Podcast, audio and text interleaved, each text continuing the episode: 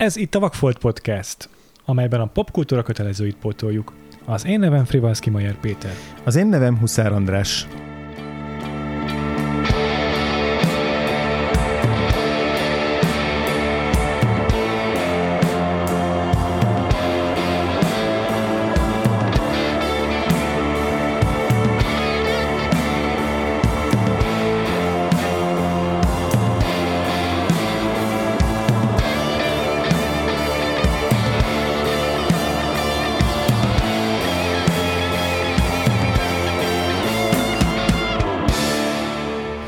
Is elnézést szeretnénk kérni, hogy kimaradt a múlt hét.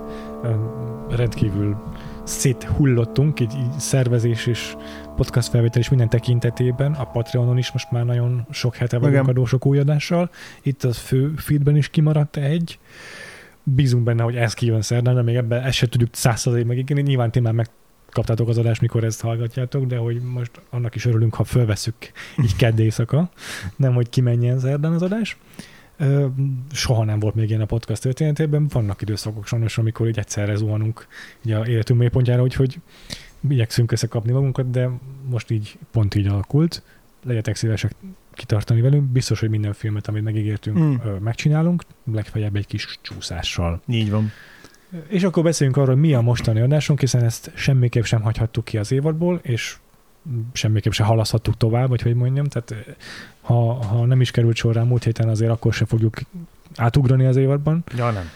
Ez pedig az ötödik pecsét, Fábri Zoltán filmje mm, 1976-ból. 1976-ból, vagy azt hiszem, hogy talán lehet, hogy ötös, teljesen mindegy.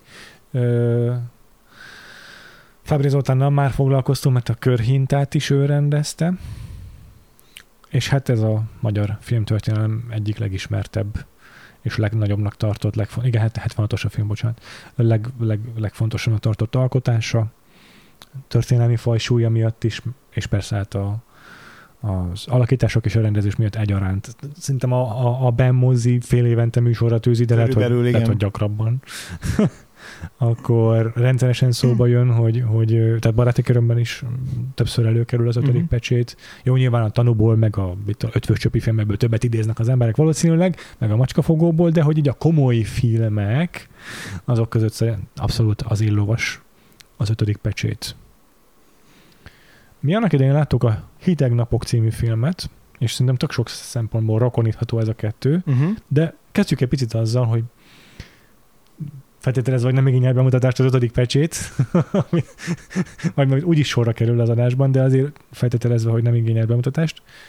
Milyen érdekes, hogy mennyi rokonság van a két film között, a hideg napok meg e között, és mégis az ötödik pecsét sokkal ismertebb, mint a hideg napok. Volt ismerősem, akinek mondtam, hogy ha tetszett az ötödik pecsét, mindenképp nézd meg az ötödik napokat, a hideg napokat, és még soha nem is hallott róla. Mm. Igen. Ez, ezen változtatni kell. Igen, Hideg pedig, pedig az hideg napokban is ugyanolyan nagy sztárok szerepelnek, tehát egy tök Ja. ismert magyar színészek, még csak arról sincs szó, hogy itt valami nem tudom, kevésbé ismert Mm, ö, nem tudom, színészek játszanának benne. Igen, igen Latinovics, Latinovics abban is felbukkan, a rendező pedig Kovács András, úgyhogy ő, ő se akárki. És hát a téma az is ott, ott is háborús atrocitások. 1966-os egyébként is van róla adásunk, ha valaki vissza szeretné keresni. Nem ebben az évadban volt, de a különféle podcast felületeken, meg a honlapunkon megtalálhatja a hideg napok adást. Kicsit csírábbak voltunk, amikor felvettük, de szerintem azért nincsen okunk a, a szégyenkezésre azzal az adással kapcsolatban sem. És akkor most beszéljünk az ötöd, ötödik pecsétről egy kicsit. Igen, ugye a hasonlóság az az, hogy Ja, igen. nagyjából egy térbe zárva, vagy legalábbis egy ö, a cselekmény egy jelentős része az egy téren belül, egy zárt téren belül bonyolódik, néhány szereplő, négy-öt szereplő mozgatásával, elsősorban négy szereplőnk, négy főszereplőnk van mind a két filmben. Hm. Mind a két film azért ki, kilép ebből a térből, a, hideg napok esetében flashbackek formájában, tehát visszatekintünk arra az időszakra, ahol történt az a, az a háborús bűn, az az atrocitás, ami miatt a, a szereplőink egy tömlöcben találják magukat, vagy egy ilyen zárkában, és ahol megpróbálnak a saját morális felelősségükkel ö, birkózni, vagy nem megbirkózni adott esetben. Igen.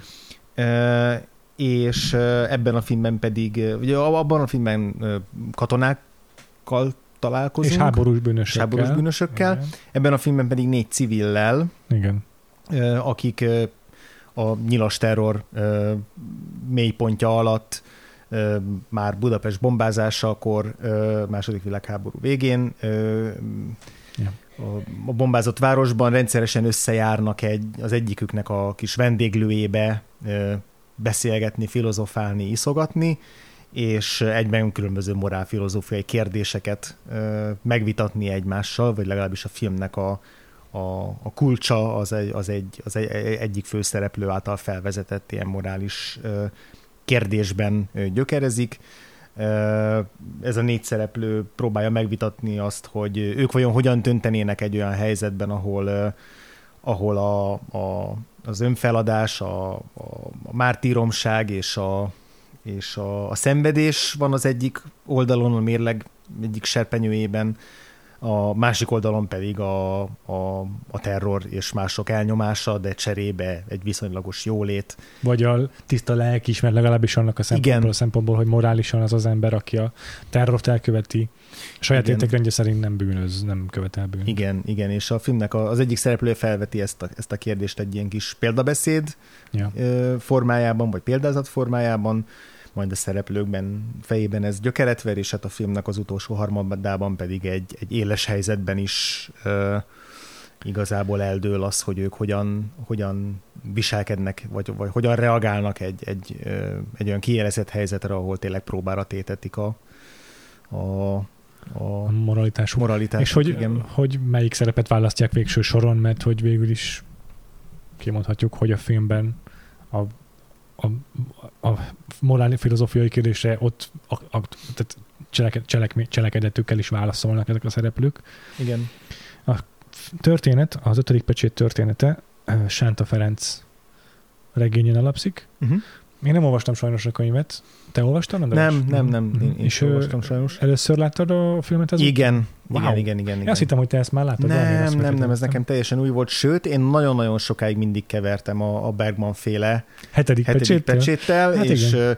szerintem egy darabig nem is tudtam, hogy ez két külön én film, sem, ez sem. nagyon régen. Jó, ez aztán... persze most már azért szerintem bőven 10, 10, 10 plusz éve volt az, hogy ezeket Ó, nem tudtam megkülönböztetni. Abszolút, igen. abszolút, abszolút, igen, meg azóta már egy kis nitet is láttam belőle, tehát hogy így ja. volt volt előképem erről a filmről, és már, és már azért számítottam rá egy jó ideje. És nem hiába egyébként az, hogy összekevertük egy picit, mert mert a, a, a hetedik pecsét, meg az ötödik pecsét is a bibliai Igen.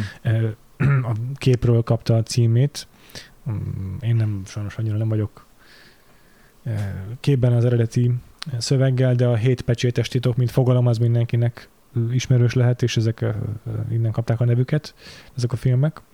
Mm, a jelenések könyvében azt hiszem abban bukkan fel ez a fogalom, tehát ilyen apokaliptikus képeket lehet nyugodtan Igen. hozzá vizionálni. Mm, és azt írja még a Wikipédia, hogy az ötödik pecsét az ilyen jövőbeli, jövő titkainak a, a vagy nem is, bocsánat, maga a hétpecsétes könyv a jövő titkait tartalmazza, és az ötödik pecsét ki is írja a Wikipédia, igazából ezt felolvashatom végül is. Uh-huh. És amikor felnyitotta az ötödik pecsétet, látám az oltár alatt azoknak lelkeit, akik megölettek az Istennek beszédéért és a bizonyság tételért, amelyet kaptak és kiáltának nagy szóval, mondván, Uram, te szent és igaz, meddig nem ítélsz még, és nem állasz bosszút a mi vérünkért azokon, akik a földön laknak. Akkor adatának azoknak egyenként fehér ruhák és mondaték nekik, hogy még egy kevés ideig nyugodjanak, míg beteljesedik mind az ő szolgáltat- szolg- szolg- szolgatásaik, szolgatásaiknak, mind az ő agyfióknak száma, akiknek meg kell öletniük, amint ők is megölettek. Szóval ilyen apokaliptikus kép, képzeteket társít hozzá, amelyekben gyakorlatilag tömeggyilkosságnak a, a, a az allegóriája bukkan fel, ha úgy akarom értelmezni, és ebben a filmben legalábbis ezzel szerintem lehet párhuzamot vonni. Mm.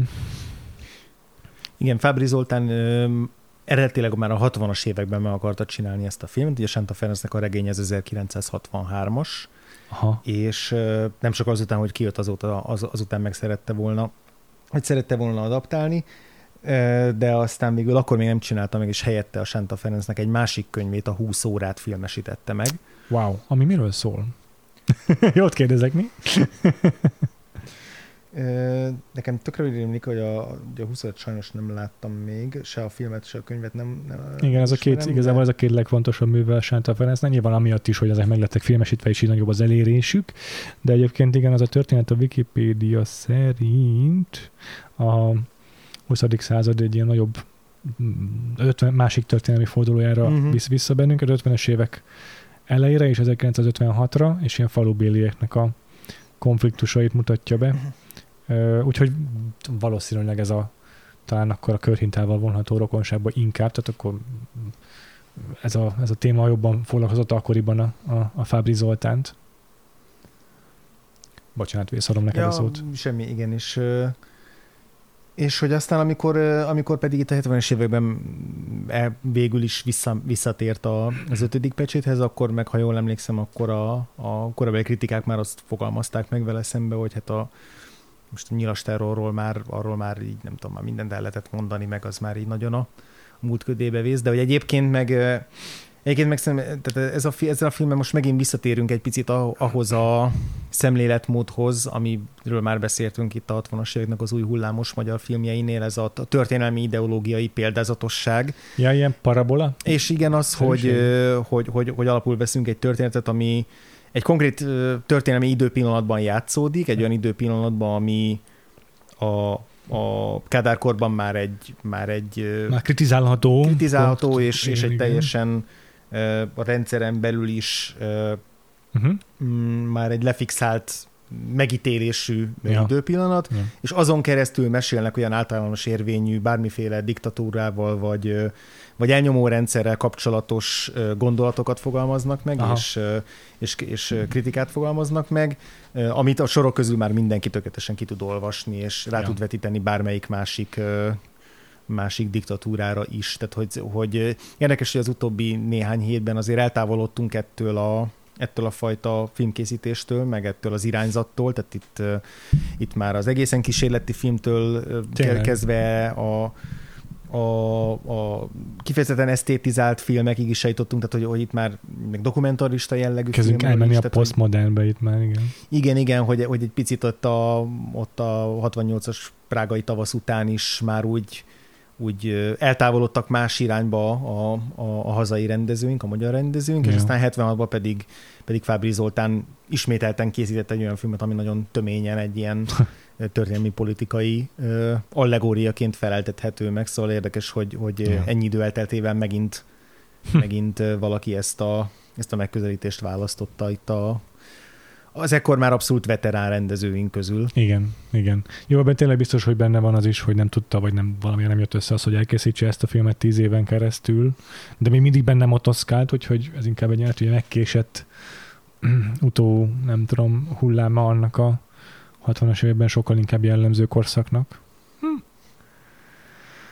Ö, igen, a filmnek a főszereplőjéről is picit beszélhetünk egyébként, ahogy mondtad, ez egy ilyen egy helyszínre zárt filozofálós, beszélgetős történet, legalábbis egy jelentős részében, tehát kb. a film feléig szerintem ki se lépünk abból a kocsmából, ahol Igen. a cselekmény zajlik, és ott az ott tartózkodó négy, illetve öt szereplővel Igen. ismerkedünk meg.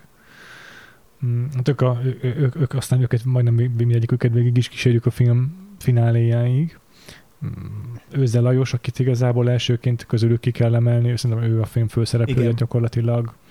Um, a, hogy is hívják a szereplőt, akit játszik? Gyurica úr. Gyurica úr, igen, az órás, mert mindenkinek nagyon igazából hangsúlyos a szakmája is, meg a nevét is sokszor halljuk, hogy hogy ezek könnyű őket beazonosítani az alapján. Igen. Akkor Márkus László is felbukkan a filmben, ő a könyvügynököt játsza, a királyurat. Horváth Sándor egy asztalost játszik, ő a Kovács úr, és akkor van még a kocsmáros maga, a Béla, uh-huh. őt pedig Bence Ferenc játsza. Aztán az ötödik személy, aki felbukkan az ő társaságokban, az a Keszei Károly, akinek a nevét szintén sokat, sokszor, a neve sokszor elhangzik a filmnek ezen a pontján. Ő a művészi fényképész, ezt is direkt így kell mondani. Őt Dégi István játsza. Nekem az ő neve nem ismerős igazából Nekem a színészeké közül.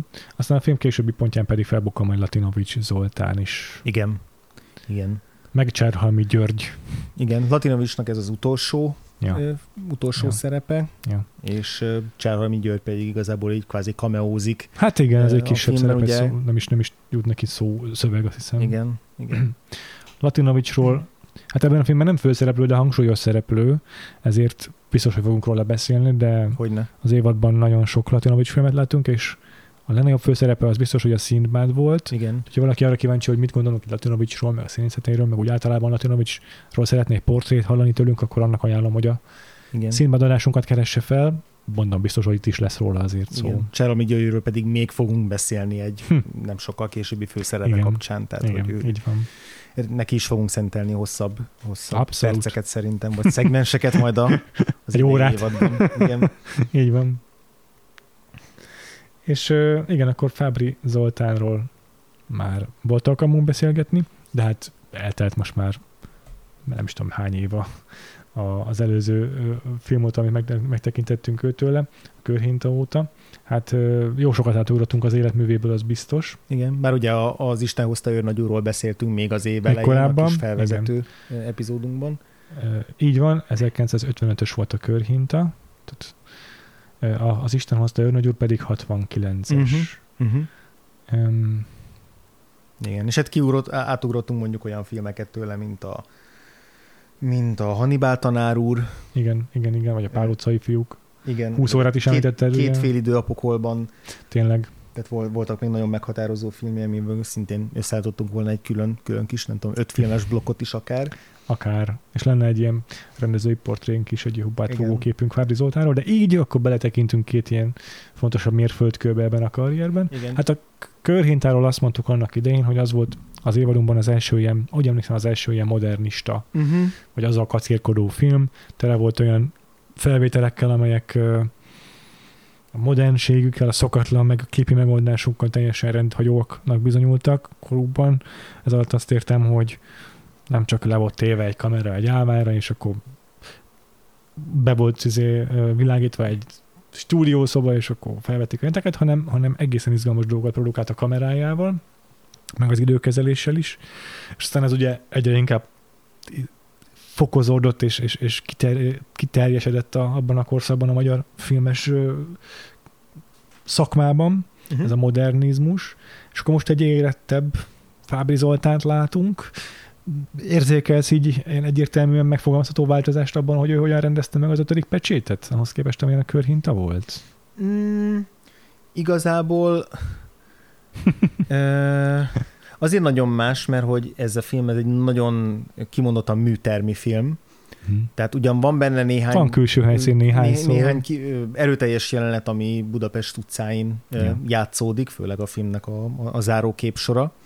De alapvetően néhány szobám, né, néhány szoba belsőben bonyolódik le a cselekmény, és, és azon belül pedig egy kifejezetten ilyen stilizált filmről van szó, abban az értelemben, hogy, hogy pont, hogy nem azt a fajta ilyen természetességet követi, Igen. mint a, mint a körhintában, nem azt a, azt a naturalizmust, vagy, vagy nem azt a, azt a kicsit ilyen lírai, de mégiscsak neorealista Igen, ö, igen. irányzatot, amit, amit felvett ugye a, a, a körhintával, vagy felvett a környező országoknak a, az akkori új hullámos ö, filmkészítéseiből.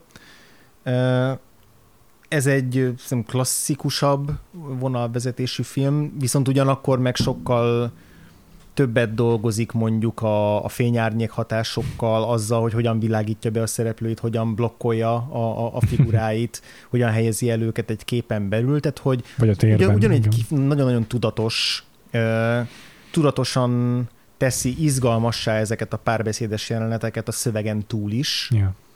ö, ami egy, szerintem egy ilyen, nekünk legalábbis egy új skill így a Fábri Zoltántól. Tehát, hogy ja, eddig nem igényelte azt, hogy, hogy egy-egy téren belül kelljen kreatívnak lennie, és itt nekem kifejezetten izgalmas volt az, hogy ezeket a műtermi belsőket, ezeket mennyire, mennyire izgalmasan világította be, valósította meg, hogy, hogy mennyire jól meg tudta teremteni azt az atmoszférát a vizualitással, hogy, hogy itt vagyunk a bombázások alatt, ahol le kell kapcsolni a villant, ha kint jönnek a nyilasok, ha megcsikordul az autónak a kereke, van ez a folytogató hangulat, van ez a, Igen. a sötétségben egy apró fénysugár, ami vetül a szereplőkre, és ők is ezzel a kis közösségükkel így egy ilyen végzetesen beszűkült térben próbálnak meg valamiféle létezést így kicsikarni maguknak. Szóval hogy ezt vizuálisan szerintem nagyon erősen fogalmazza meg a filmnek a hosszú nyitó szegmensében, és aztán később pedig kifejezetten erős ilyen képi szimbolikával dolgozik, majd biztos arról is beszélünk. Részben vágástechnik, ilyen montástechnikával, részben ilyen biblikus képekkel, tehát, Igen. hogy ilyen nagyon direkt szimbólumokkal dolgozik, de nekem kifejezetten tetszett ennek a filmnek ez a fajta ilyen direktsége. Igen, ez biztos, hogy egy külön kihívás, hogy egy helyszínes, beszélős filmet megrendezni úgy, hogy ne lankadjon el a nézők figyelme. Mm. És úgy, hogy ne azt érezze a néző, hogy ez most direkt túl van rendezve, hogy, hogy, hogy, hogy, hogy, hogy feltartsa az érdeklődését a nézőknek. Tehát ez egy nagyon nehéz kötéltánc szerintem. És itt tényleg rengeteg kameramozgással kíséri a, a szereplőket a film első felében a Fábri Zoltán hosszú egysnittes beszélgetéseket hallunk, amelyben folyamatosan megy ide-oda az operatőr, és másokra fókuszál, más szereplők arcára közelít rá, körbe-körbe jár az asztal körül, mindent bevet, de tényleg nem érzem azt, hogy fárasztó lenne, vagy ilyesmi az, amit produkál. És uh, amellett, hogy a kamerakezelése ilyen dinamikus ennek a filmnek, a párbeszédeknek, a, azért a helyszínek is tök fontosak, és a Fábri dolgozott díszlettervezőként, úgyhogy uh-huh. gondolkodtam ezen, hogy hogy hogy ezt próbáljam értelmezni a filmben, vagy valahogyan, nem tudom, ebből levonni valamit. Igazából a kocsma, ahol játszódunk, az nem egy ilyen túl díszített, túl, nem. mit tudom én, kellékezett, ilyen mindenhova valami kis kütyüt, vagy valami. Most látunk belőle általában túl sokat, és ez a rohadt érdekes szerintem, hogy hogy mondom, díszlettervezői háttérből jön, beszéltünk erről mondjuk a Színbád esetén, ahol a rendező Uszárik Zoltán szintén foglalkozott ezzel, és ő aztán tényleg mindent agyon díszített őnál, a díszletek azok a legfontosabb része volt a filmnek. Na most Fábri Zoltánnál és abszolút nem is beszéltünk, és tudatosan, tehát hogyha valaki díszlettervezői muta jön, és nincsen kidekorálva a helyszíne, akkor az, az a cél. akkor tudod, hogy biztos, hogy ez tudatos. Igen, tehát hogy ez a film, ez ilyen teljesen üres, kihalt terekben játszódik, egy olyan, ja. egy olyan világban, ahol ami szinte mindenféle élettől mentes, és így kb. Tehát így tényleg a, az apokalipszisnak a szélén vagy Tényleg olyan, mint hogyha kilépnél az ajtón, akkor belezuhannál a, vagy a semmibe. A semmibe, a, a, pontosan, a, igen, a, igen. És hogy ezt alátámasztja a Hieronymus Bosnak a, a, a festményeivel, amikor különböző részleteket bevág, igen. Ez is ilyen gyors, vágó, gyors montázsos technika kb. mint amit sokszor látunk már a korábbi filmekben, akár Makkárolytól, akár Huszániton. Igen, de hogy szerintem ezen túlmenően is, tehát hogyha ha nem használná ezt az eszközt, akkor is nekem volt egy ilyen nagyon erőteljes ilyen világvége érzetem pusztán a az, a, a, az általad is említett tereknek a teljes kiüresedettsége kapcsán. Ja. Tehát, hogy tényleg van, nem tudom, egy ilyen valami zenegépszerű dolog, igen, ami néha igen. szolgáltat ilyen... Na mondjuk az tényleg egy jó díszlettárt, ez a jó kellék, mert nagyon különlegesen néz ki, meg különleges a hangja. Abszolút, igen, de, de aztán akár a vendéglő, akár később az az ilyen palotaszerű tér, ahol ahol ahol kihallgatják és megkínozzák a szereplőket a, a nyilasok, tehát hogy az összes olyan tér, amiben járunk, és aztán a külső térben pedig szintén egy lélek sincs, ja. Ja. csak az ja. egyetlen főszereplőnk, aki végig bolyong, és korábban is egy-egy embert Igen. látunk legfeljebb, Igen. akik bujkálnak a, a, a romok között, vagy, a, vagy az épületeken belül, tehát hogy ténylegesen egy, egy, egy pusztulás szélére sodródott ilyen szimbolikus térben járunk ja. a filmben, és szerintem az egész filmre jellemző ez, a, ez az ilyen példázatosság vagy szimbolikusság, hogy így ja. tök jó karaktereket ismerünk meg, tehát hogy igazából szerintem a szereplők azok nagyon, nagyon izgalmas szereplők hm. tudnak lenni önmagukban is, de alapvetően azért ebben, a, ebben az ilyen morál filozófiai kérdéskörben mozognak ők, mint, ja, ja. mint, mint figurák, és mint Mm. Mint ilyen arhetipusok, vagy Igen. inkább ilyen...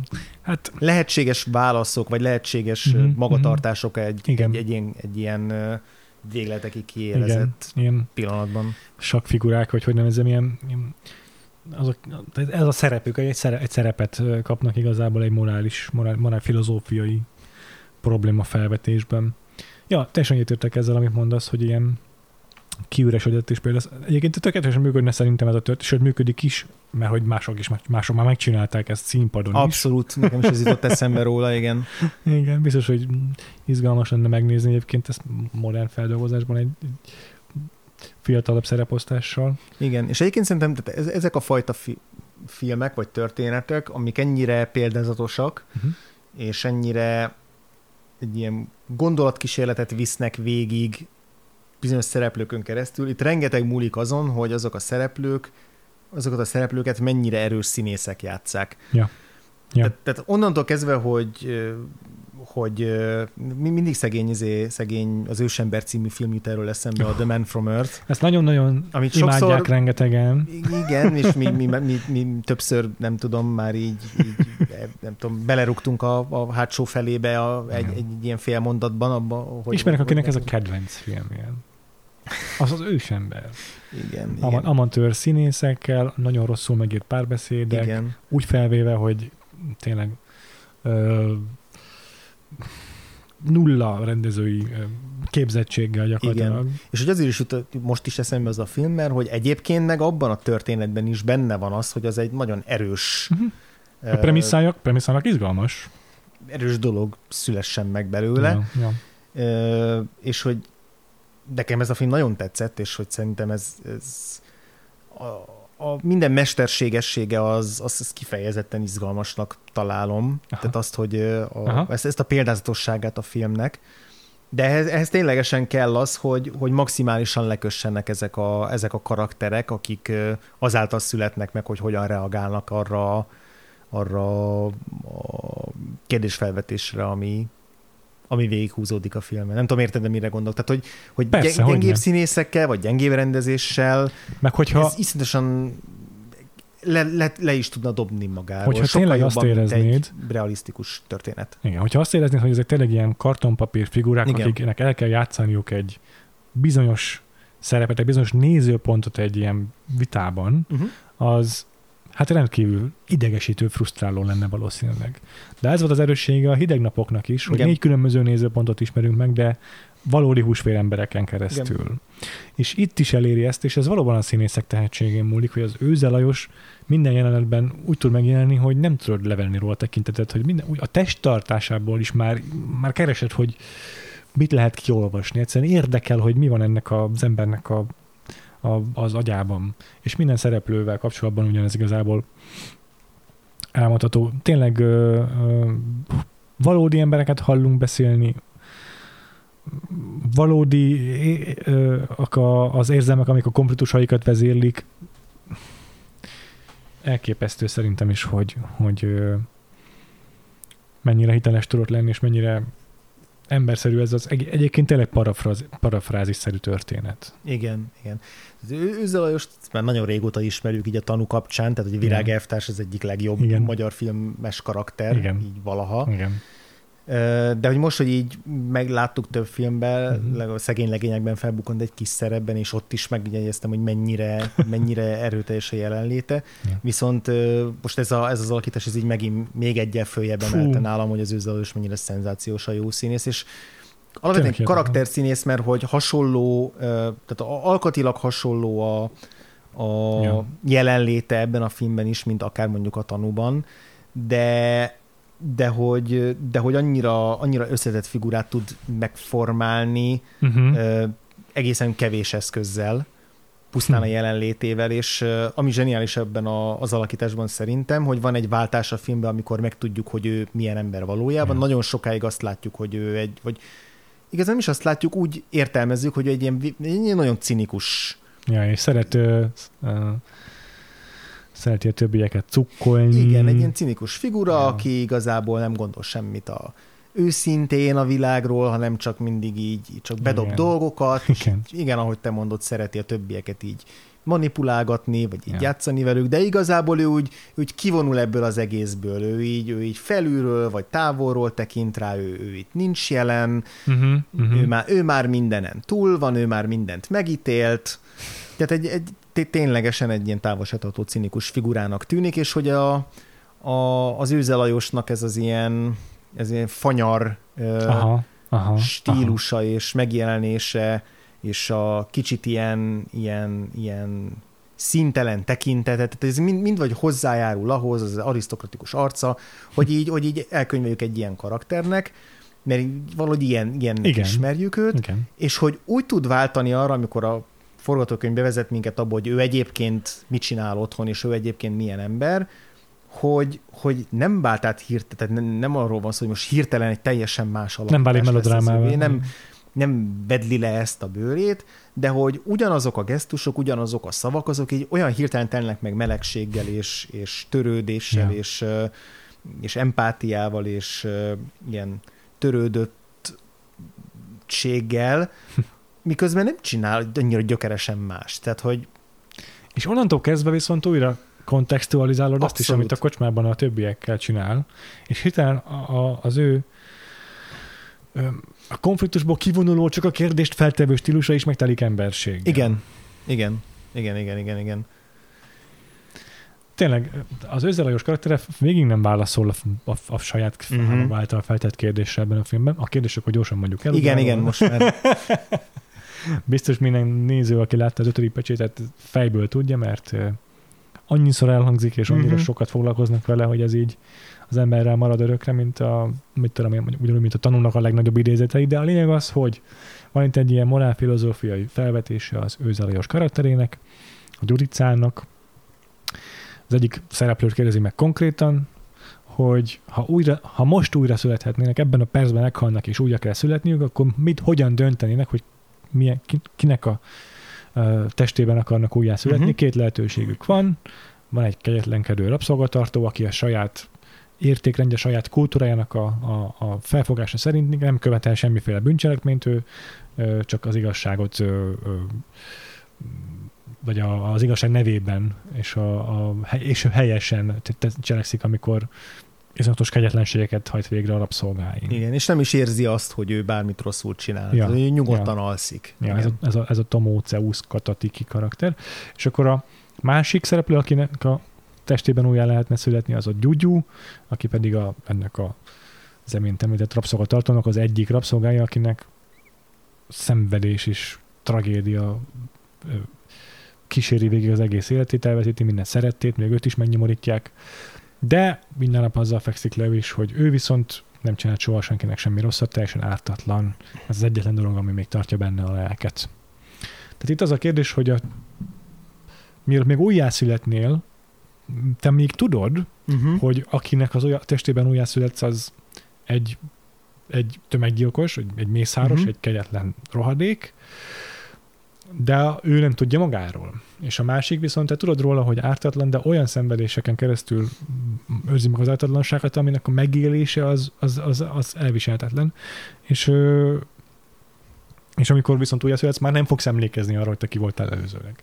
És akkor ez, ezek között kell választani. És persze hosszas frusztrációhoz vezet ez a többi, a maradék három-négy szereplő számára, hogy, hogy egyáltalán milyen provokatív ez a kérdés, és ezen mm-hmm. nem mhm. tudják magukat túltenni.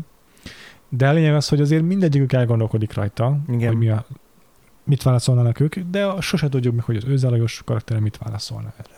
Igen, igen. Igen, és érdekes ugye a kérdés felvetés, mert itt két, vég, két erős végletre futtatja ki a, a, a, a Gyurica ezt a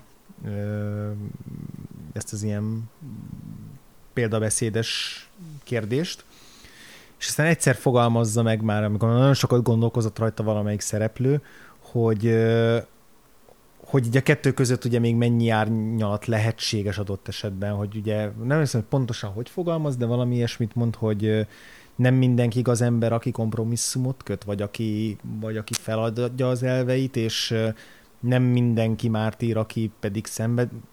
Na, biztos, nagyon rosszul idézem, ezt jó lett volna pontosan kiírnom, ja. de, hogy, de hogy ugye megfogalmazza azt a helyzetet, hogy itt hogy egy olyan, olyan rendszerben, ahol, ami, ami egy, egy diktatúra, egy, egy fasiszta diktatúra, a, a nyilas terror, tehát tényleg a, a szálasi terrorjának a kellős közepén, Igen. Hogy, hogy itt, itt olyan ember tömegek élnek ez alatt a rendszer alatt, akik adott esetben nap mint nap szembesülnek ezzel a kérdésfelvetéssel, és hogy, és hogy ez ugye akkor mennyire mennyire lehet felmentés az, hogyha valaki nem vállalja a, az, az egyik végletet se, hanem a kettő között próbál életben maradni. Tehát, hogy, a, hogy az életben maradás, mint olyan, ez is hangzik a filmbe, hogy, hogy, hogy, hogy életben maradni az is egy mennyire, nem tudom, az, az már önmagában egy mennyire, nem tudom, sikeres tett. Ja, igen, igen, igen, tényleg. De hogy ez valóban így van-e? Tehát, hogy ugye ez, ez az a kérdés, amit feltesz, feltesz a film, hogy nem csak azt nem, tehát arra akarok írni, nem csak azt teszi fel a film, azt a kérdést, hogy te melyiket választanád, uh-huh.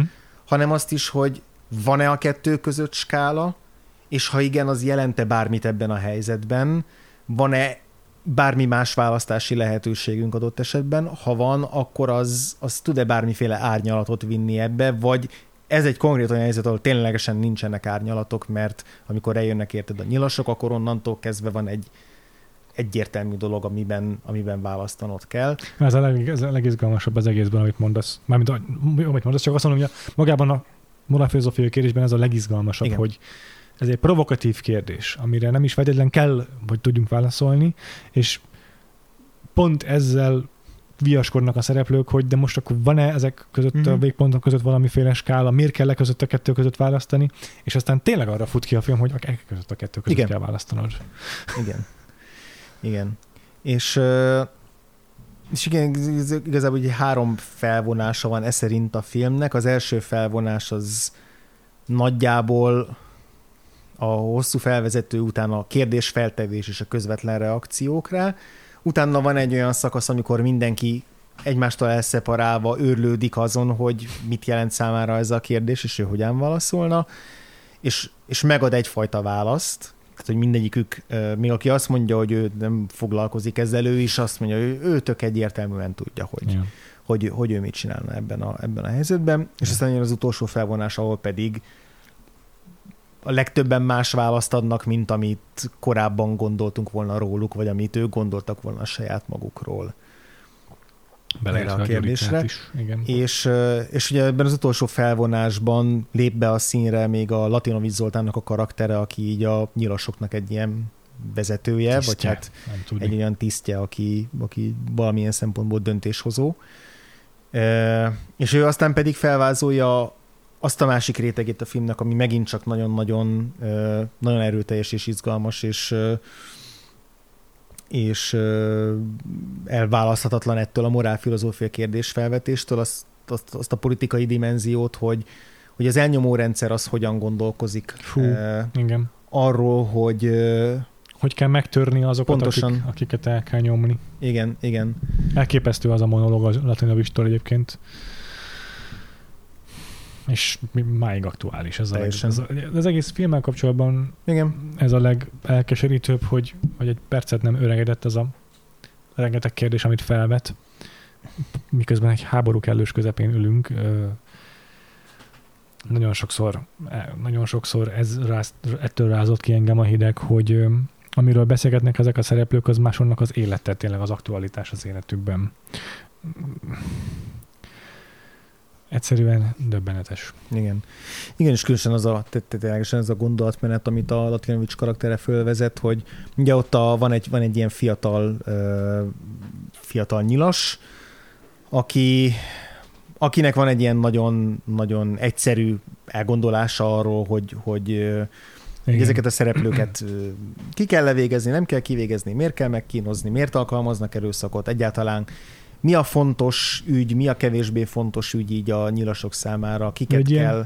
Igazi pszichopata, hogy igen, élvezetből. Igen, kínozza a szereplőt. Igen, és hogy ő úgy gondolja, hogy, hogy hát ez, ez igazából ugye ez a, ez a bagatel, tehát hogy igazából ez a négy ember, akik csak ülnek a vendéglőbe és csak pofáznak, és ott lehet, hogy szidják a nyilasokat, de aztán hazajönnek és nem csinálnak semmit, hogy ők velük igazából annyira nem kell foglalkozni, mert ott vannak a fontosabb aktívan ellenálló ö, tagjai a társadalomnak. És akkor erre vezeti fel a Latinovics ezt, a, ezt az elméletet, hogy, vagy nem is elméletet, gyakorlatot, hogy, hogy de nem pont, hogy ez, ez, ez az, ami, ami a, a teljes társadalomnak a megtörésének a kulcsa, hogy az, az egyértelmű, aki, aki aktívan, nem tudom, felrobbant egy teherautót, vagy ilyesmi, mert azt elkapják, kivégzik, hanem az, a, az, az átlag ember, aki, aki még úgy érzi magáról, hogy ő benne még megvan a becsület, és aki, és aki még reménykedik gyakorlatilag.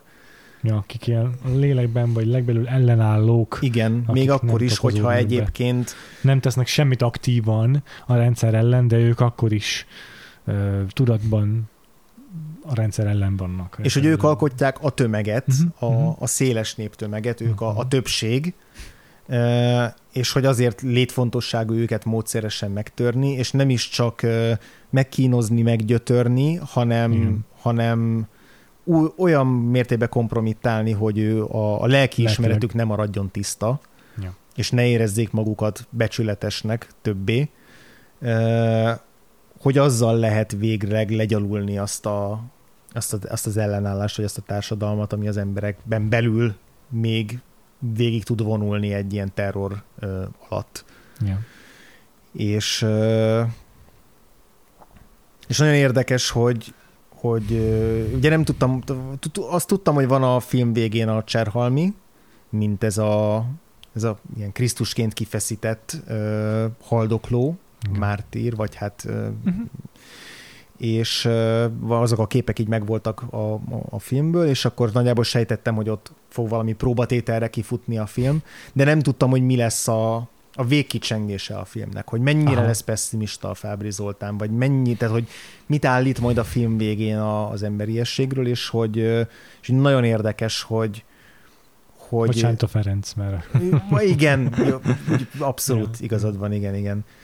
És, és hogy érdekes, hogy Persze lehangoló a film, hiszen tragédiával zárul, Igen. szinte minden szereplőre, különböző szempontból, de hogy, de hogy azt hozza ki a film végén mégiscsak, hogy a maga módján mindegyikük meg tudta őrizni a, a becsületét, még akkor is, hogyha ez hogyha igazából...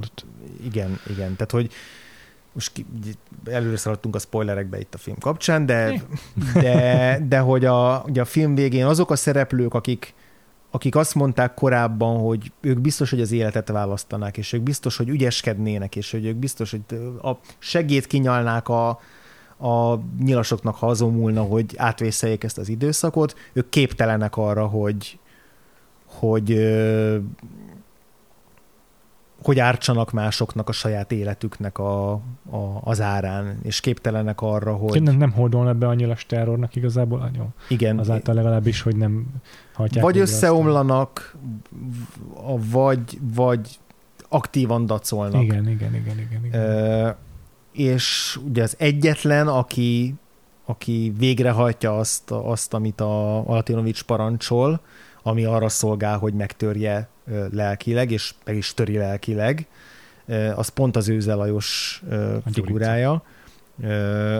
Viszont neki meg az a kifogása, vagy az az indoka erre, hogy ő rengeteg zsíró gyereket mentett meg, és, és, és őriz. És ott várják otthon. Igen.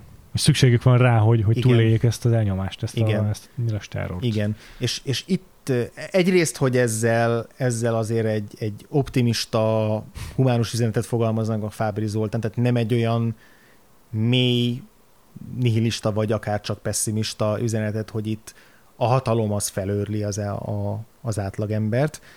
Igen, felőrölte az átlagembert, mert vagy meg, meghaltak, vagy összeomlottak, de, de ad egy olyan katarzist számunkra, amiben, amiben ez a négy ember mégis ellen tud állni a terrornak, még hogyha ez nem is egy nem tudom, sikeres ellenáll lesz, érted, mire gondolok. Ja. És a másik pedig, hogy, hogy ez az, ahol szerintem tudja árnyalni a saját ilyen dihotómiáját a film, hogy akkor mártír leszel, vagy, vagy, vagy, vagy terrorista, vagy uh-huh, uh-huh, elnyomó. Uh-huh. Pont az üzelajos figuráján keresztül, hogy ő látszólag ugye kompromittálódik, látszólag felad, és, és a, a becsületét, a lelkiismeretét azt feladja, de közben látjuk azt, hogy ezt miért teszi, és most, ahogy erről beszélek, most eszembe jutott a Scorsese-nek a némassága, amiben szintén van egy kulcs kérdés az, hogy a, annak a ja. filmnek a főszereplője, aki ilyen mártírkomplexusos, ja. és Krisztusnak a, a, a mártíromsága számára a vezérfonal és, a, és az iránymutató, és hogy eljut arra a pontra, amikor fel kell tenni magának a kérdést, hogy többet ére az ő áldozata, mint az, hogy emberek átlag, nem átlag, ember, de más emberek szenvedését meg tudja gátolni azáltal, hogy ő felad valamit magából. és hogy amikor ezt a döntést meghozza, akkor utána mihez kezd magával. Uh-huh. De hogy ott is, abban a filmben is én iszonyatos súlya van annak a lelkiismereti kérdésnek, hogy, hogy abban a filmben elsősorban azt, hogy a saját egódból és Krisztusi küldetés tudatodból mikor fogsz tudni, mi, mi, tehát, Igen. hogy mikor gondolsz arra, hogy a Krisztusi önfeláldozás az, az mennyire rólad szól, és mennyire másokról, és mit jelent valójában a Krisztusi önfeláldozás és a mártíromság, és hogy ebben a filmben is az, hogy az Őzelajos feladja a, azt az elvét, hogy ő nem fog ártani másnak, és hogy belerúg még egyet a, a szenvedőbe, és ebbe belerokkan, vélhetőleg. Yeah, yeah. De hogy ott felismeri azt, hogy fontosabb ebben a pillanatban az, hogy, ő, hogy vannak, akik számítanak rá. És, és hogy ebb, e, ettől ő valószínűleg egy emberi roncs lesz ezt követően. Tehát, hogy ez nem fogja tudni maga mögött hagyni ezt a, Igen. Azt, azt, amit a Cserhalminak a karakterével tett, és ami a barátaival történt de hogy, de hogy amit, a, amit az ő példázata állít arról, hogy valaki az összes szenvedést felvállalja, de tiszta marad a lelkiismerete, vagy ö, tisztának gondolja a lelkiismeretét, mert nincs tudatában annak, hogy amit ő művel, az bűn. Amit az Őzelajos csinál a film végén, az igazából egyik se a kettő közül. Vagy mind a kettő, vagy... Mind a kettő, mert Igen. amit a Latinovics megfogalmaz, azt a Latinovics eléri nála. Azt eléri. Biztos, hogy összetöri az ő tehát a Latinovic sikert maradt. Igen, igen, igen, igen, igen. És, az, és az Őzelajos egy megtört emberként él az, aki letört a nyilas terror, lelkileg tört össze, pontosan úgy, ahogy a Latinovics fogalmazta meg a szőke katonával szemben, hogy láthatod, így kell ezt csinálni, Igen. nem pedig izé terror, nem, nem, nem pedig ö, kínzással. Igen. Viszont igaz, hogy továbbra is ellenáll azzal, hogy bújtatja a gyerekeket. Úgyhogy mind a kettő igaz rá egyszerre. A, amit elmondtál, az száz tök jó, meg teljesen egyetértek. Én annyival árnyal, vagy a film annyival árnyalja, uh-huh. hogy ilyen teljesen apokaliptikus befejezés kap a történet, amivel ja. lebombáznak egy házat, ja. ténylegesen összeomlik. És uh, most ez azon túl, hogy egy ilyen apokaliptikus befejezése van a jelenések könyvéből címét vevő könyvnek, vagy filmnek, az azt is sugalmaz a számomra, hogy abban a pillanatban, hogy a nőt megtörték, abban a pillanatban ért véget a nyilas terror, mert megérkeztek az oroszok, akik, le, akik leverik őket. Tehát cinikusan azt is állíthatja ez a film, hogy ez hogy a történet, hogy ez hiába való mm-hmm. volt. Ö, és ettől meg aztán pláne, pláne milliónyi réteggel gazdagodik ez a történet, és Igen. egy ilyen a, a saját filozófiai kérdés felvetésén is túlmutatóan a nézővel marad, és, és megválaszolhatatlan dilemmába keveri a nézőjét. Igen. Igen, hogy vagy azt mondja, hogy ez, ez hiába való volt, hiába való volt, vagy akár csak annyit mond, hogy bármennyire is itt most uh, gyerekek megmentésével végül is egy hős marad, de, de ahogy kilép ebből a kapuból, azért az ő személyes pusztulása az, ami megjelenik kívül is. Tehát, hogy a, ja, ez ja, az apokalipszis, ja. hogy ott, ott, ott, vég, ott akkor is véget ért a világ kvázi. Ott Persze, akkor is igen. gyakorlatilag ez, ez, a, ez a pusztulás és a, és a bukásnak a pillanata. Igen. Függetlenül igen. attól, hogy ő, hogy ő ezzel megmentem, megmenti ártatlanok életét azzal, hogy ő, ő, ő önként vállalja azt, hogy, hogy a lelki ismeretét össze, összeroppantja. Tehát igen, az egész biztos, hogy az utolsó jelenet sor, ahol ilyen teljesen mm, téb, félig téb, tébolyult, összetört, megtört tekintettel botlatozik végig a városon, az egy, az egy teljes pusztulásnak a, a egy, ilyen, egy ilyen egzisztenciális összeomlásnak a, uh-huh, a kivetődése. Igen, igen. Végkicsengés, igen. Igen. Hát nagyon-nagyon sokféleképp értelmezhető, mert nagyon sok réteggel rendelkezik az a jelenet sor, ez teljesen biztos. mondom itt a, a jelenések könyvét azért is lehet idézni, mert ahogyan ott kivonul Uh-huh. az ő Lajos ilyen széttárt karokkal, megint csak egy ilyen krisztusi pószt kap, meg egy ilyen krisztusi ö, mártír szerepet kap ő is igazából. És mondom, végig a nézővel marad ez az egész dilemma, hogy, hogy most, most akkor, amit megtett, az megérte-e? De hát nem lehet tudni, hogy, Igen. hogy nem, nem lehetett tudni az adott helyzetben, hogy most meddig kell neki kitartania, meddig kell ellenállnia, egyszerűen ez csak egy ilyen utolsó, utolsó gyomor, gyomra rúgással nézőnek, hogy ott még, még a bombák is becsapolna, azon túl mondom, amiket mondasz, hogy ilyen szimbolikusan Mm. értelmezhető jelenet, még, még, még ez is ö, szerintem egy, egy, egy plusz rétege, vagy egy, adott, egy, egy, egy még inkább direkt rétege a jelenetnek. Mm. És beszéljünk arról is, hogy az őzelős ebben a felében a filmnek milyen teljesítmény nyújt. Mm. Mert amit elmondtál róla, meg a, arról, hogy ő neki milyen a kisugárzása, az a film első felére valóban igaz, meg valóban az ö, a jellemző. De ebben a film, főleg ebben a felében viszont szerintem olyasmit látunk tőle, amit korábban nem. Igen. És ö, egészen lebilincselő, és az minden szereplő fantasztikusabban az utolsó szegmensben, amikor a Latinovics ezé a, ezzel a dilemma elé állítja őket. De itt az Őze Lajos, ami produkál, és az a, az a teljes lelki válság, amiben látjuk őt, amikor végül is meghozza azt a döntést, hogy a behol, behódol Latinovicsnak, és, és, Mhm. és ö, felpofozza a cserhalmit. Azért is mondom itt a sz- színészek nevét, mert ezeknek a színész- karaktereknek nincs nevük egyébként. Mm. Na hát amit, amit látunk az Őze Lajostól, az tényleg megrendítő erejű.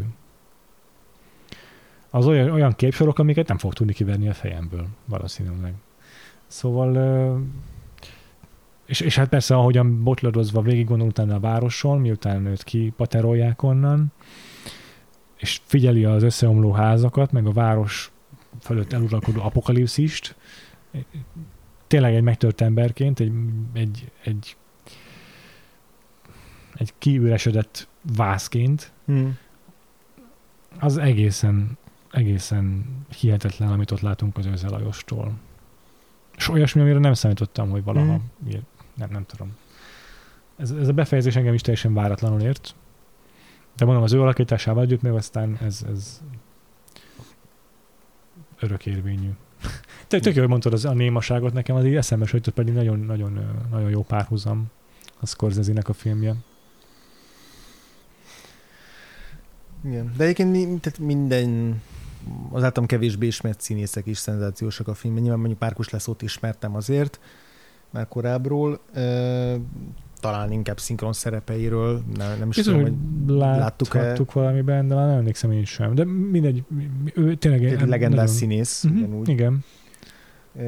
Ugye, mindig, mindig szereplőnek van egy karaktertípusa. Ö, Ugye Márkus Lászlónak a karaktere, ő, ő a, a, aki kicsit ilyen, ilyen élfajház, vagy, vagy ilyen hedonista, csap, izé, család, csapodár figura, kicsit ilyen, ilyen snob, elitista karakter az Mhm. övé talán, Igen, aki úgy, igen. úgy, úgy könnyen mond ítéletet a többiekről, meg olyan nagyobb hangú igen. Erre figura. van egy jó szó, de nem. Ja, igen, igen, igen. Akkor a, a, a, akit a Horváth Sándor játszik, ő az ilyen szorongó kisember, aki, aki Igen. sokkal inkább küzd a, ennek a kérdésnek a, a súlyával, amit, Mhm, amit feltesznek mhm. számára. A Márkus László az hánya veti. Ez jutott eszembe most. nagyon jó, igen.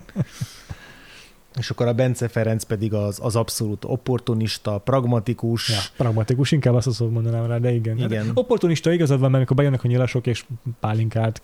Tehát tényleg opportunista. E- Elméletileg ő az ez ilyen túlélő típus. Ja, ja, aki, ja, aki igen, igen. tud annyira lavírozni, hogy, Mhm. ö, hogy elboldoguljon minden rendszerben, és ugye Ja. azért is érdekes, hogy ő lesz az, aki a leg, leg határozottabban és leg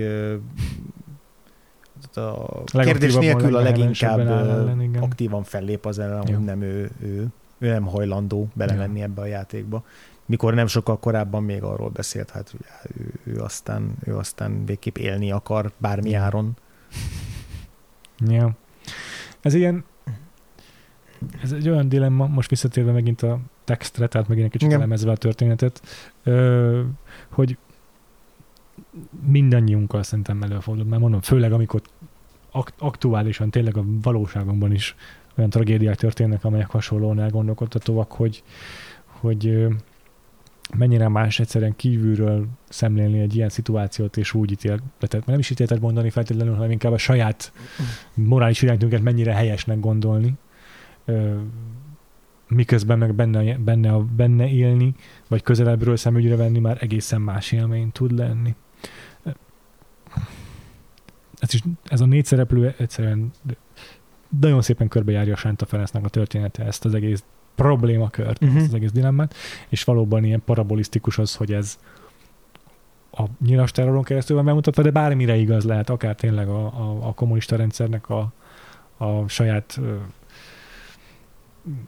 á, saját, nép, a saját ö, ö, polgáraival szemben gyakorolt terrorra, de akár a jelenkorban is háborús bűnökre, bármire tökéletesen ráhúzható ez. Igen, és ö, a, a már korábban említett hideg napoknál ugye ott az a borzasztóan erős, hogy a, a bűnösök, háborús bűnösök, ők hogyan próbálják le, relativizálni a saját szerepüket, és hogyan tudják ö, hogyan tudják, tehát az a film az önigazolásnak a különböző fokairól szól elsősorban, és arról, hogy, uh-huh, hogy hogyan tudod racionalizálni a tetteidet, és, és uh, hogyan tudod a lelkiismeretedet így eltenni a hátsó fiókba, Igen. ami borzasztóan izgalmas és nagyon Igen. Megrázó erejű. Az ötödik pecsét viszont talán azért is érezhetjük még közelebb magunkhoz, még egy fokkal, a, vagy, vagy Mert nem az elkövető. inkább azt mondom, hogy, hogy nem is az, hogy közelebb érezhetjük magunkhoz, de hogy jó, könnyebben tudjuk kivetíteni a saját ö, élethelyzetünkre akár, vagy a saját ilyen gondolatkísérleteinkre, mert hogy ebben hétköznapi civilek Ja.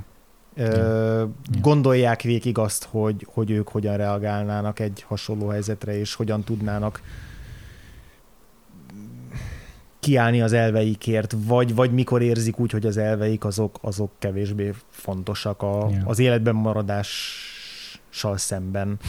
Igen. És hogy, és hogy néha elég annyi, hogy, a, hogy, hogy, hogy azt mondják a szemedbe, hogy a feleséged egy, egy, egy mocskos ribanc, vagy izé. és, és ott, ott, ott már nem fog számítani az, hogy abban a pillanatban egyébként mit gondoltál, és mennyire vagy meghunyászkodó típus, vagy uh-huh. mennyire félted az életed, mert ott lesz egy ösztönös reakciót, bármilyen irányba. Tehát, hogy ez megint az helyzet, hogy fogalmat sincs, hogy hogy fogsz reagálni erre a helyzetre egészen addig, ameddig bele nem kerülsz abba, abba a helyzetbe, és addig csak csak a gondolatkísérleteidet végiggörgetheted. De hát az úgy, csak túl gondolni tudod egyszerűen. Igen.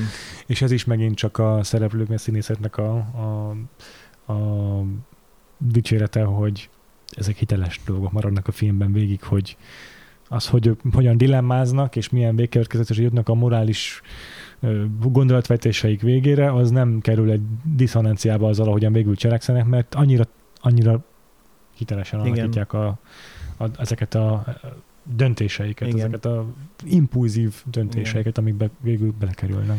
És egyébként nyilván a filmnek az utolsó harmada az a, az, az a ténylegesen kiélezett helyzet, ahol ahol a legilyen elementárisabb erővel nyilvánulnak meg, de Hogyne. egyébként már Hogyne. korábban is, amit felvázol a film, ha, ha nem lenne a, nem tudom, az utolsó harmada, akkor is már feltenni azokat a kérdéseket, hogy hogy, hogy egy ilyen elnyomó rendszerben létezni és tűrni, az, az de annak a működési elve és annak a lélekromboló elve az, hogy hogy, a, hogy túl akarsz élni, és emiatt mennyit vagy hajlandó eltűrni, és mennyit vagy hajlandó lenyelni, és milyen mozgástered van abban, hogy, hogy tegyél valamit a, a rendszer ellen, de mi az, amikor a rendszer már olyan mértékű, hogy már gyakorlatilag a mozgástered az minimális, és leszűkül arra, hogy jó, akkor megpróbálsz túlélni valahogy, és ez, ez már abban megjelenik a filmben, hogy ez a négy ember leül egy asztal mellé Ja, minden este. persze. De hogy aztán, amikor kimegy, akkor, akkor hogyan viselkedik. Amikor bejönnek a nyilasok, és csak kérnek egy pálinkát, uh-huh. akkor hogyan viselkednek, akkor hogyan próbálják meg visszahúzni magukat, vagy összehúzni magukat, hogy Igen mert hogy... Nem, hogy véletlenül bármi, mert kiszámíthatatlan a terror, nem lehet tudni, hogy mi az, így van.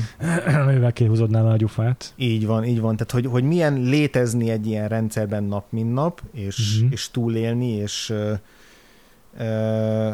és hogy ez a film igazából, most ez nagyon hülye hangzik, hogy megadja azt a lehetőséget ezeknek a szereplőknek, hogy, hogy, hogy döntsenek valamilyen irányba, és ez ugye a pusztulásukkal ér véget. Igen.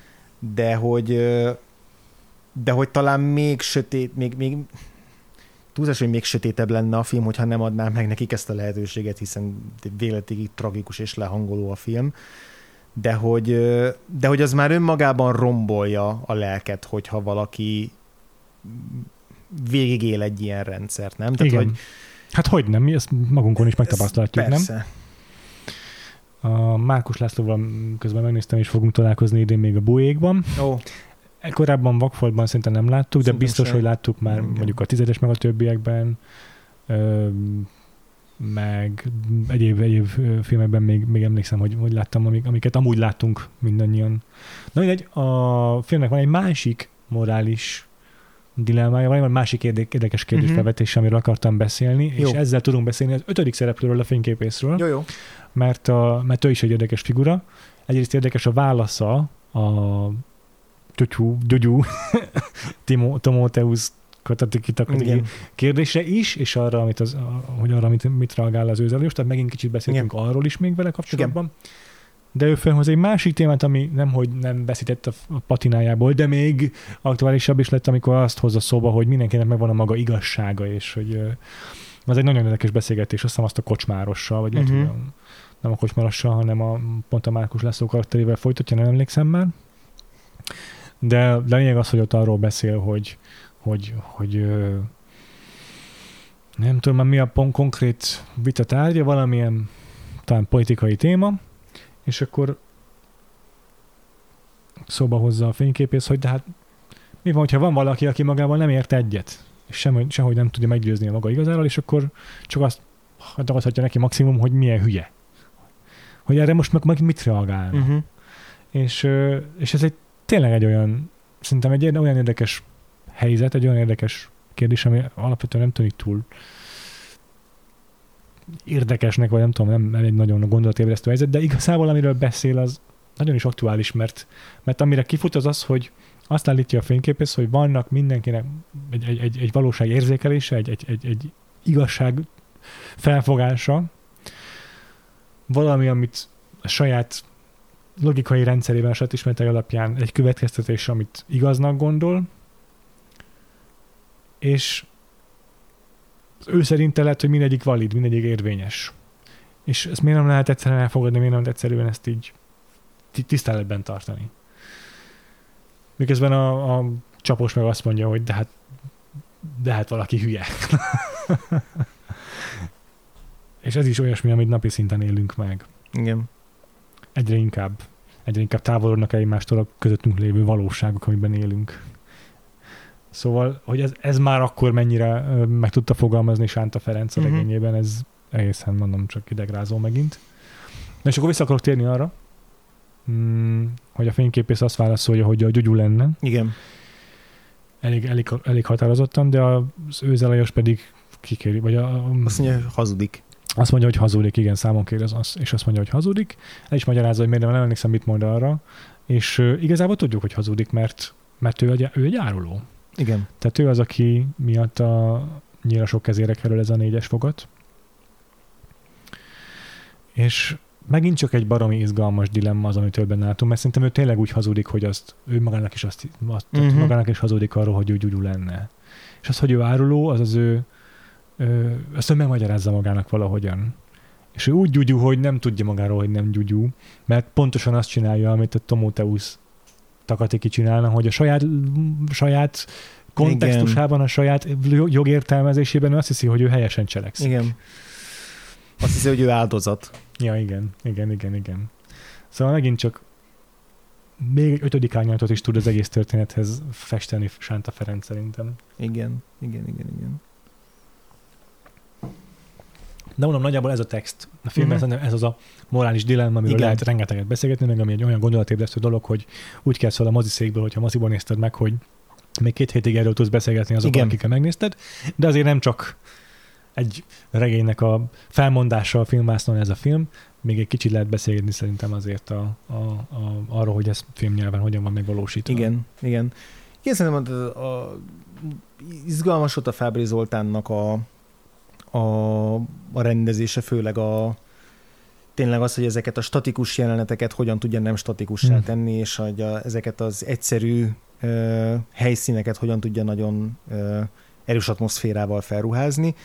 Mm, és ö, izgalmas volt ez a fajta ilyen montázsos része is a filmnek. Picit talán azt éreztem, hogy hogy azt úgy, azt úgy azért rárakta, hogy akkor jó, akkor most ez, ez is legyen ilyen is benne, hogy legy, legyünk egy Mhm. kicsit ilyen huszárikosak, vagy le- legyen, tehát hogy van, be- kül- különösen van benne egy szakasz, ahol a, Mhm. ahol a Márkus Leszó karakter elmegy a, a, egy prostituálthoz, Aha. És akkor ott ilyen, ilyen látomásai lesznek, meg ott, ott, ott tényleg már ilyen nagyon ilyen színes terekben ilyen apokaliptikus képek ö, izé, keverednek össze ott a valósággal, és hatásos, meg működik ilyen szürreális montásként, meg a Bosch bevágások is így működnek. De azon egy picit azt éreztem, hogy így most a Fábri Zoltán így mondta, hogy jó, az, az kísérletezni is tudok egy picit, Hm. és nem érzem azt, hogy ezeket nem tudom, ki kéne vágni, vagy hogy ezek nélkül jobb lenne a film.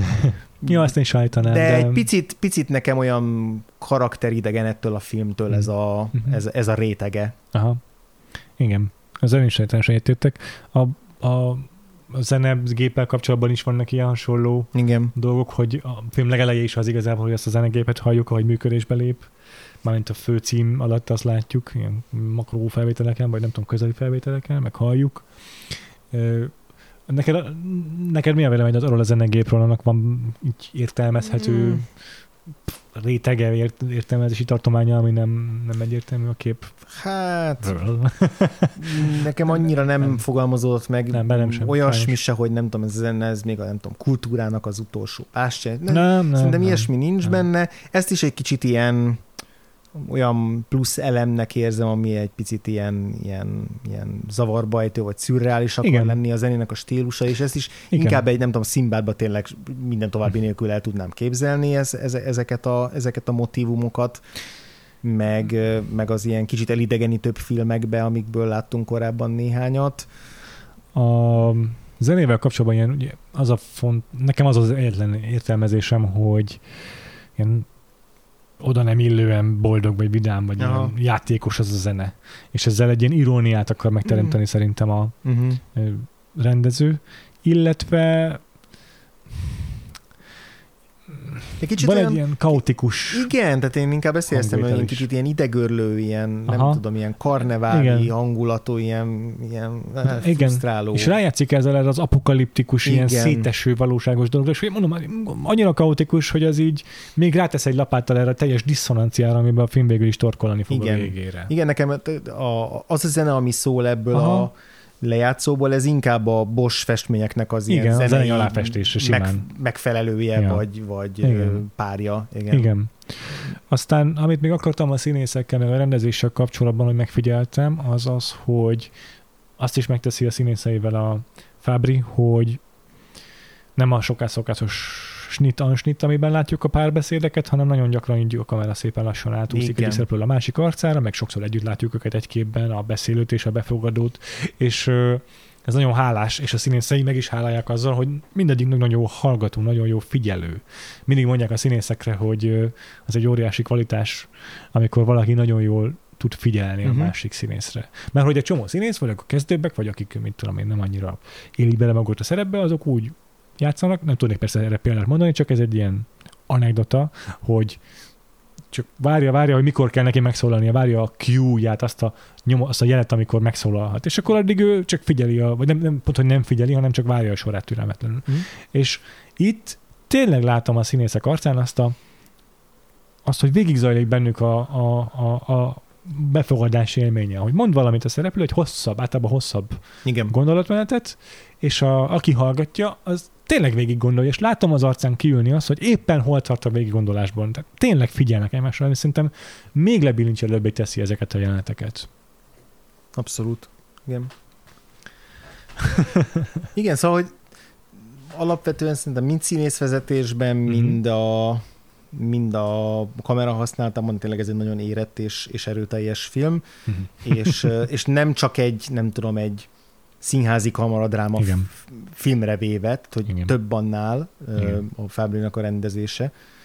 Et, et, ez is emel a, a filmnek a, a szintjén, tehát egy nagyon erős hangulatokat tud meg, megragadni, akár csak a helyszínválasztáson, díszletekkel, ö, szereplőknek a, a, a tényleg elhelyezésével. Ezzel együtt mégis elsősorban azért ez a film, ez így a szerintem a a morális kérdés felvetéseken és ezen a példázaton, tehát az, az a sűrűje a Ja, filmnek, persze. csak ezt nagyon szép formába is önti a, a, a, Igen. a, Fábri Zoltán. Igen, de pont azért is, az, azért is emelem ki ennyire a, a Fabri rendezői uh-huh. teljesítményét, mert hogy értelmezni próbálom, hogy ez a film hogy tudott tényleg a, a Ja. legnagyobb, egyik, egyik legnagyobb magyar filmé válni. Mert hogy az önmagában, mondom, sokan szeretik az ős, őslakót is, Uh-huh. de Igen. ja, igen, igen. Igen. de valamit kiemeli azért a, a, a egyszerű, tehát a, a regény elolvasásán túlmutató Igen. az élmény befogadástól szerintem ezt, tehát hogy igenis Fábri Zoltán hozzá tud tenni ehhez a történethez annyit, hogy ez filmként is nem, hogy értékes legyen, de hogy hozzátesz pluszban értéket teremt azzal, hogy ez film, filmre viszi. Ami mondom, egy olyan történetnél, ami gyakorlatilag arról szól, hogy emberek egy helyen beszélgetnek, és nincs különösebb jelentőség a díszleteknek, mármint abban az értelemben, uh-huh. hogy van, mert hozzájárul ahhoz, hogy van egy apokaliptikus kontextusunk, de lehetne teljesen tényleg egy színpadon is, díszletek nélkül is egy ilyen dogville stílusban, ahol még azt is eljátszák, hogy a kilincsel lenyomják. Ö, lehetne így is megcsinálni ezt, és, és, és úgyis ugyan lebilincselő tudna lenni, mert a párbeszédeken van tényleg a hangsúly, meg a dilemmán. Tény, tény, igazad van ebben, de emel a téten egyet azzal Fábri Zoltán, hogy ezt ilyen minőségben, ilyen igényességgel, ilyen izgalmassággal viszi Igen. vászonra. Igen, és az is jó most, hogy azért örülök, hogy a utólag is, hogy újra néztük a, az Isten húzta őr urat még az évad elején, mert ez is egy tök jó párhuzamba állítható, hogy hányféleképpen tud mesélni Aha. hasonló dolgokról, hasonló témákról a, Aha. a, a Fábri Zoltán. Mind a kettő ugye irodalmi adaptáció ráadásul, ugye Örkény és, és, és Hánta Ferenc. És hogy igazából mind a kettőben a, azt mutatja be, hogy a kisember az hogyan tud egy önkényuralmi rendszerrel szemben fellépni, Hát igen. vagy hogyan őrlődik fel benne. Igen. Az egyik egy komikus abszurd formában, a másik pedig egy, egy, Egy igazi szimbolikus, tragikus mm, történeten belül mutatja be ugyanezt, és hogy mind a kettőben a Latinovics képviseli az elnyomó hatalmat, és mennyire máshogy, hogy az egyikben egy ilyen teljesen karikaturisztikus figura, Ja. De, de félelmetes de azért. félelmetes, Igen, ebben pedig egy teljesen visszafogott, Igen, ez a már-már ilyen bürokratikusan sebész, ilyen precíz, Igen, de ugyanakkor ö, hideg és, és ö, szemtelen. szemtelen, kegyetlen, igen. Teljesen igazán nagyon-nagyon más a két figura. Lavison megvan mindig a, a, az ösztöne arra, hogy hogy elegáns, amit, amit nyújt, elegánsnak lássuk, vagy Mhm. uh-huh. nem is tudom, a, mű, a műveltség, az intellektus mindig benne van az ő alakításaiban. Ebben egyébként még pláne izgalmas amúgy az Inter Isten hozta jön nagy úr, hogy ott viszonylag ez, ez hiányzik abból a karakterből, de nála nagyon gyakori, hogy megvan ez a réteg. És akkor ebben a filmben meg aztán nagyon is ö, nagyon is fontos az, hogy ez egy intellektuális figura, az, Mhm. a, az a tiszt, vagy akár ki is, akitől játszik pontosan, ez a civil ruhás nyilas. Mert ugye ott van a fiatal nyilas, akiről tudjuk, hogy bölcsész, és elvileg egy intellektuál valaki, Igen. de mégis a kegyetlenséget és a teljes ö, ö, állat, állat, le, le, állas, állatiasodást választja. És hogy vele szemben meg nem tudunk meg semmit a civil ruhás Latinovics karakteréről, de ő az, aki mégis mm, intellektuálisabban áll hozzá az elnyomás, a terror ö, ö, eszméjéhez. Hát aki, aki, aki jobban átlátja az elnyomásnak a lélektanát, és Ja. pontosabban Ja. látja a- annak a mélyebb működési elvét, Ja. és pszichológiáját, és társadalom lélektanát, mert a, ugye a fiatal ö, nyilas, ő csak így a, a legegyértelműbb bizéket látja, hogy akit megverek, az félni fog meg. És hát, ha már az alakításokat szoboztuk, akkor a fiatal nyilas tényleg elő, elsőre baromira ijesztő, meg félelmetes és vérfagyasztó, hogy Igen. milyen i- élvezettel kegyetlenkedik, de megjelenik Latinovics, és attól fagy meg az ereinkben igazából a vér, hogy ő nem kegyetlenkedik, és mennyivel hátborzongatóbb az, hogy dominál e fölött a kegyetlen kis pondró fölött, aki hirtelen pondróvá Mhm. válik itt az ő megjelenésével együtt. Szóval ez megint csak az ő színész jelenlétéből fakad kizárólagosan, Mhm. az ő karizmájából, a fellépéséből. Úgyhogy Latinovics, Latinovicsról megint sikerül ódákat zengenünk. Igen. Most már sajnos utoljára az évadban. Jó van. Nagyjából ö, szerintem kibeszéltük az ötödik pecsétet. Még biztos lehetne még, még hosszasan filozofálni, Igen. de nem hiszem, hogy érdemes lenne. um, nagyon-nagyon örülök, hogy megnéztük ezt a filmet. Nagyon csodálkozom, hogy ehhez pont nem hoztunk vendéget. Szabad volt a Prédatát már kiválaszthatta volna. Hívtunk is vendéget, de aztán végül inkább másik filmet választott, tehát mm, ez most így, vagy félig meddig szándékosan alakult így. Mhm.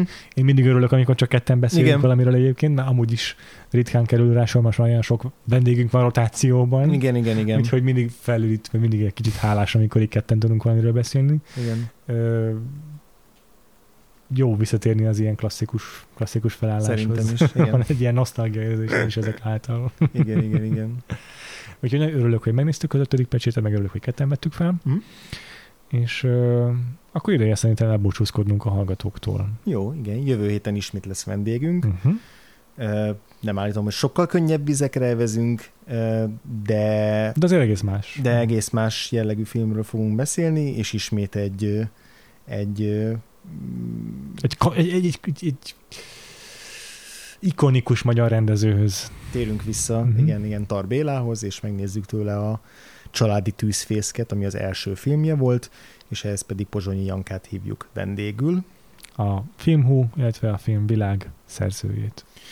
Úgyhogy ez lesz jövő héten, addig pedig megtaláltok minket egyrészt a honlapunkon, ugye a vakfoltpodcast.hu, másrészt a Facebook oldalunkon és a Facebook csoportunkban, ez két külön dolog, van a, a Vakfolt társalgó, ahol minden héten több különböző témát dobunk be mi is, meg a társalgónak a többi tagja, és akkor azokról tudunk beszélgetni egymással, még akkor is, amikor nincs egy egész hónapon keresztül tartó ádáz ö, harc a ö, az a adott ö, versenyünkön belül. Így van, mert hogy most zajlott le a March Madness játék, amit minden évben márciusban rendezünk meg, és most az volt a tét, hogy kiválasztjuk a 21. század Oscar kiosztóinak azt a filmjét, amelyet jelöltek ugyan legjobb film díjára, de kikosarazta az Oscar, és méltatlanul kosarazta ki. És, a legin- és az a film, amit végül a társaságunk, a Vakfolt Podcast társalgó csoport tagjai megszavaztak annak a filmnek, ami leginkább megérdemelte volna az Oscar díjat, az a Mad Max, a harag útja lett, a Mad Max Fury Road, úgyhogy Óriási csaták árán. óriási csaták árán, de még Paul Thomas Andersontól a vérző olajat is legyőzte. Úgyhogy a filmet meg fogjuk tekinteni moziban, Uh-huh. a Vakfolt Podcast társalgónak a tagjaival, és aztán, ha minden jól megy, akkor még beszélgetünk is arról a filmről Andrással, úgyhogy ha kíváncsiak vagytok erre a mozizásra, meg a beszélgetésre a filmről, akkor csatlakozzatok a Vakfolt Podcast társalgóhoz, és valamikor így a nyár felé közeledve erre sort is fogunk keríteni, és ott, ott fogtok erről értesülni. Szóval még egyszer Vakfolt Podcast társalgó, ezt a Facebook keresőjébe üssétek be. Ezen kívül meg ott vagyunk a Twitteren is, szintén Vakfolt Podcast user néven, és kövessétek a podcastot, amíg nem tettétek volna meg, a kedvenc lejátszótokban. Nem vagyunk a Google Podcast-en, meg az Apple Podcast-en is, YouTube-on is, hogyha nem akartok külön podcast hallgató appot telepíteni emiatt, Spotify-on is, hogyha uh-huh. azt preferálnátok, amit Azt preferáltok, illetve hát bármilyen fajta egyéb podcast abban is keresetek rá a Vagfolt podcastra, és ott leszünk. Ezen kívül András téged hol lehet megtalálni? A Hát, neten. Hm? A neten. igen, igen, mindig azt mondom, hogy Twitteren a legegyszerűbb, de most így Ja, nem túl aktívak igyekszem, egy, igyekszem egy kicsit leszokni a Twitterről, úgyhogy a Letterboxdon igyekszem logolni filmeket, amikor eszembe jut, szóval Akkor a Vagfolt Podcast társalgóban javaslom az András. igen, igen, igen, azt mondom, hogy, hogy, hogy itt érdemes. Ja. Téged, Péter? Hát én is egyre kevésbé vagyok aktív, vagy mostanában inkább itt távolabb. Tartom magamtól is ezeket a közösségi felületeket, de a Twitteren a Freevo néven időnként azért még Mhm. megtaláltok tőlem kevésbé érdekes tweeteket. Letterboxdon én is van vagyok, ahol azért a filmjeimet rendszeresen szoktam naplózni, és akkor ne felejtsétek el, hogy van Patreonunk Igen. is, patreon.com per Vagfolt Podcast, ez a támogatói közösségünknek a otthona. Szintén szoktunk adásokat publikálni a Patreonon is, kizárólag a támogatóink számára. Itt általában friss filmekről beszélünk, Mhm. uh-huh. friss dolgokról, friss élményekről. patreon.com per Vakfol Podcast. Hát igyekszünk havi három adással kijönni. Nem mindig jön össze, most azért elég mélyponton vagyunk, de Igen, igyekezni fogunk. igen, így, igyekszünk azokat az adásokat, amiket már bejelentettünk, azokat idővel, ha nem is a eredeti Menetrend időzi menetrendnek megfelelően, de apránként bepótolni, ez most így személyes dolgok miatt is csúszott, vendégekkel való szervezés miatt is, betegségek, munka, sok minden most így összegyűlt, lehet, hogy kicsit hosszabb kifutása lesz itt most a nem tudom, Batman adásainknak, meg, De eltervezzük őket de is. ezek nem, ezeket nem felejtettük el. Így van. Aztán lassan jövünk friss filmpremierekkel is, mert azok is Igen. lesznek a mozikban, és azokról is fogunk majd beszélni. Igen. És majd az Oscar adásnak a második felét is bepótoljuk, majd egy utólag, Hónap utólag, utólag megjósoljuk, hogy mi kapja majd a vajon a legjobb zenért. Nem, már megjósolni nem fogjuk szerintem, de azért mindenképpen a Persze, saját, saját saját, saját dolgainkat meghallgathatjátok, mert az még mindig Sajátos érdekes. kategóriánkról persze. Mhm. Úgyhogy Cyclóval is Meg beszélnünk kell visszatérünk Smithről. Úgyhogy jövő héten akkor Tarbéla, ismét is a családi tűzfészek. Köszönjük, hogy velünk vagytok, és addig is sziasztok! Sziasztok!